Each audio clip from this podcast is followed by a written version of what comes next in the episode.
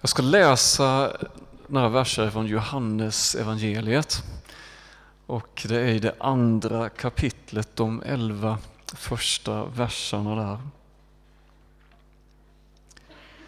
På tredje dagen var det bröllop i Kana i Galileen och Jesu mor var där. Jesus och hans lärjungar blev också bjudna till bröllopet. När vinet tog slut sa Jesu mor till honom, de har inget vin. Jesus svarade, kvinna, vad har vi med det att göra? Min stund har ännu inte kommit.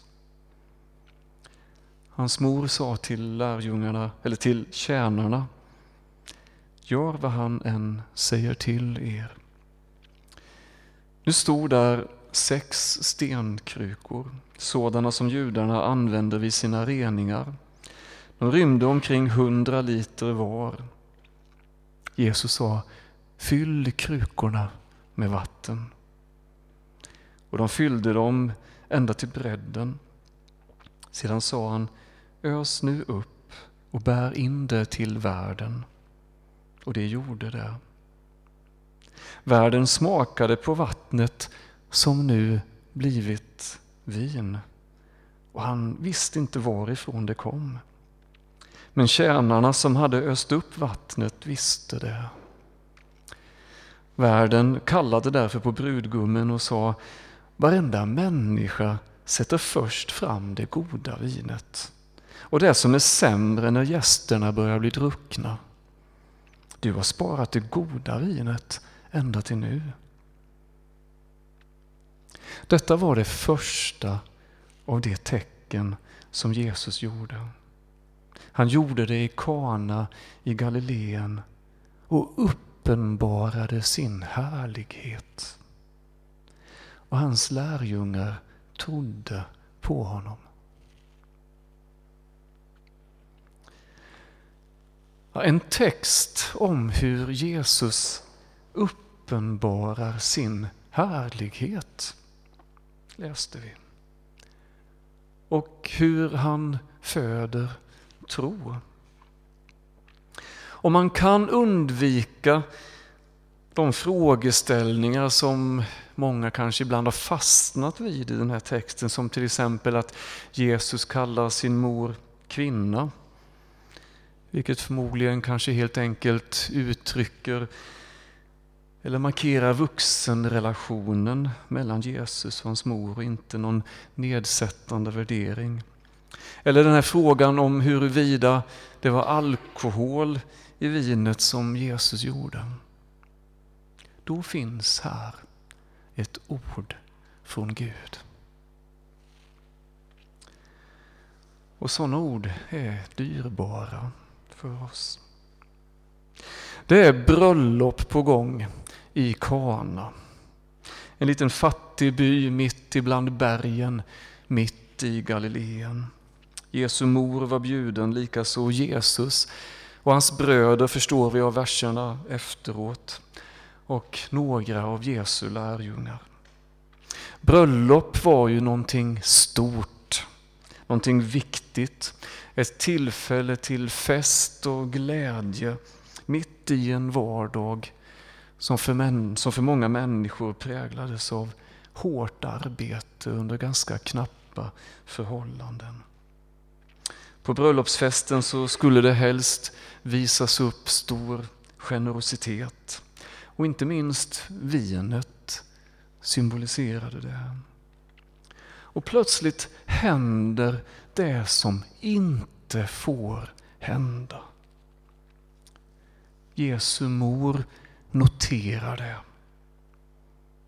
och vänder sig till Jesus. De har inget vin. Just det kanske pekar på att familjen som ordnar festen är fattig. Hade hoppats att det vin som man hade råd med skulle räcka. Maria ser hela scenariot. En bröllopsfest där vinet tog slut kommer man att prata om länge. Vilken skam för familjen. Vilken start för det ny, nygifta paret. Samtidigt vet hon att Jesus bär på någonting stort. Hon kommer ihåg vad som sades om honom när han var liten. Hon tror på honom. Jesus, nu är det dags. Vi vet ju inte riktigt vad som rör sig i Jesu inre här. Han har precis blivit döpt av Johannes döparen i Jordan. Några lärjungar har börjat att följa honom. Men ännu så har han inte riktigt på allvar trätt fram inför människorna med sitt budskap om Guds rike.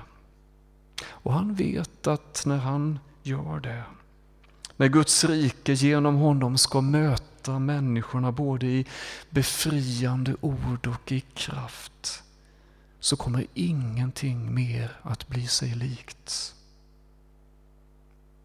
Jesus tvekar.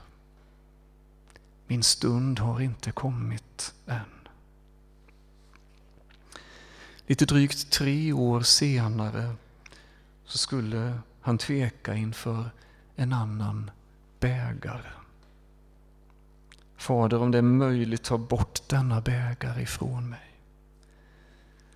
Men han fortsätter då, men inte som du vill, inte som jag vill, utan som du vill. Och just det präglade ju honom, alltid. Guds, hans fars vilja.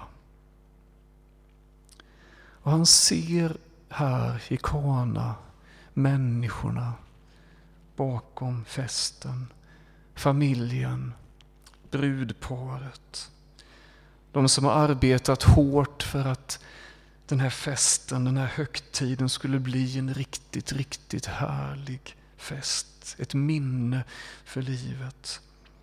Nu hänger en hotande skandal över dem. Och här, som så många gånger annars i evangelierna, så grips han av medlidande. För sån är Gud. Utan att göra någon stor sak av det hela, utan att göra någon speciell scen, så ber han några av bröllopstjänarna att fylla de här stora stenkrukorna med vatten och sedan ösa upp det och bära fram det till bröllopsvärden. De gör det och värden blir helt förbluffad. Vilket gott vin! Du har sparat det goda vinet till sist, säger han till den säkert lika förbluffade brudgummen. Jesus håller sig i bakgrunden. Han hade inget behov av att framhäva sig själv. Det är kärleken, barmhärtigheten som driver honom. Men bröllopstjänarna vet. Lärjungarna vet.